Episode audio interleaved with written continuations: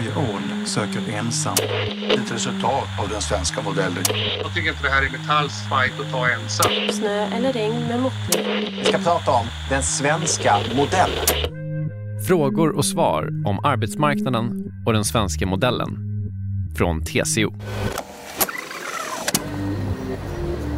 Om företag som Tesla inte vill teckna kollektivavtal, kan det inte vara så att det är fel på avtalen? Kan man inte ta fram nya avtal?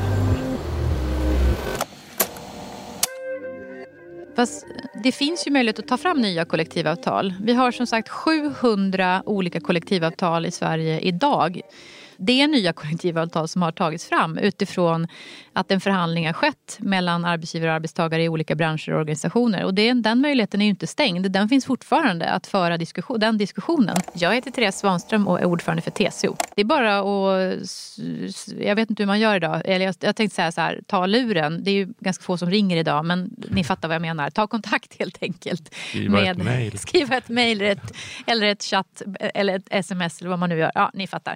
Ta kontakt kontakt helt enkelt med eh, arbetstagarmotparten ifrån företagets sida och kanske också den arbetsgivarorganisation som, som det skulle handla om och se hur kan vi hitta lösningen fram här på, på ett kollektivavtal i den här branschen som både reglerar villkoren på arbetsplatsen eller i företaget Eh, men som också naturligtvis skapar den där som du var inne på Lars, grunden för en tillitsbaserad relation i organisationen som handlar om att vi eh, skakar hand på att så här ska vi ha det på det här arbetet och det kommer att innebära en relation som eh, i grunden är väldigt bra för ett företag och en organisation att ha i längden. Att man har kommit överens om saker och ting och, och skapar en, skulle jag säga, en ganska stor lojalitet i verksamheten.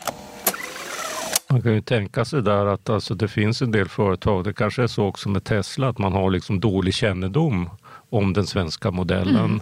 Jag heter Lars Calmfors, professor emeritus i internationell ekonomi men har forskat mest om arbetsmarknadsekonomi. Den fungerar ju bättre än, och relationerna mellan fack och arbetsgivare fungerar ju på ett helt annat sätt i Sverige än på många andra håll där det är mera konfrontativt. Mm.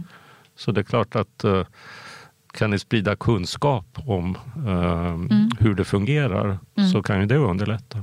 Ja men precis, ja, men jag tror det handlar mycket om det och, och det här att anpassa kollektivavtalen. Det är ju det som sker när kollektivavtal tecknas. Det är då de anpassas utifrån vad är, och det är ju själva meningen med hela kollektivavtalet. Det är idén bakom kollektivavtalet, att hitta lösningar som funkar för den här branschen och den här verksamheten. Eh, och det är klart att det kan innebära konflikt innan man landar ner på något bra sätt i ett givande och ett tagande. Men det är ju liksom hela, hela den tanken är ju ett givande och tagande för att landa ner i en sammantagen bedömning eh, som blir bra.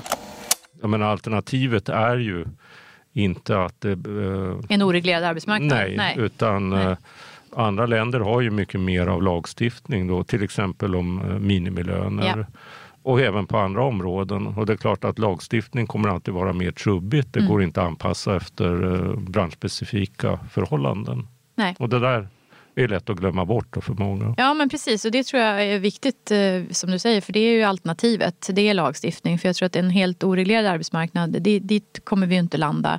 Eller där kan vi inte landa. Eh, och då då är ju lagstiftning alternativet. Eh, och som sagt, mycket trubbel, mycket mindre flexibelt. Har i de flesta länder genererat mycket mer av konflikt på arbetsmarknaden.